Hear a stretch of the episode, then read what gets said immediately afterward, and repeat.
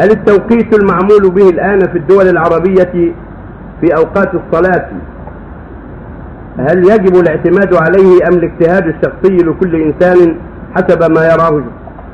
اللي يظهر لنا أنه ظني التوقيتات هذه موجوده في التقاويم ظني حسب اجتهاد المقوم قد يخطي كثيرا قد يتقدم بدقائق قد يتأخر بدقائق لكن اذا تمكن الإنسان من الأوقات التي هي واضحة من غروب الشمس من طلوع الفجر من زوال الشمس في المحلات المناسبه إذا تمكن أن ينظر في الأمر وأن يحتاط هذا طيب.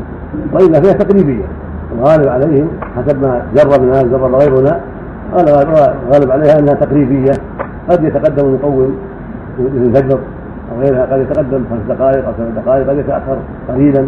قد يقارب. على كل حال هي ظنية اجتهادية حسب علمهم بالفلك. قال لك بالنسبة للاذاعه مثل التقويم. نعم. الأذان في الإذاعة. فلا على الزوال الزوال يكون.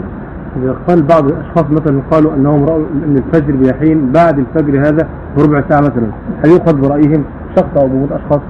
هل يعتد برأيهم في مثل هذا؟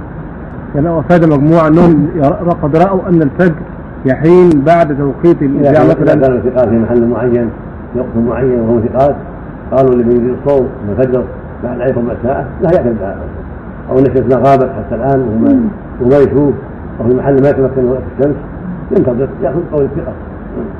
ولا ولا يأخذ التقويم.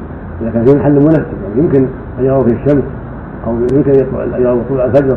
أما بعض المسائل ما يستطيعون مع مع الكهرباء في بعض البلدان مع نور الكهرباء العظيم ولا يستطيع يرى الفجر في بيته أو في سطحه في سوقه ولا يتمكن من ذلك.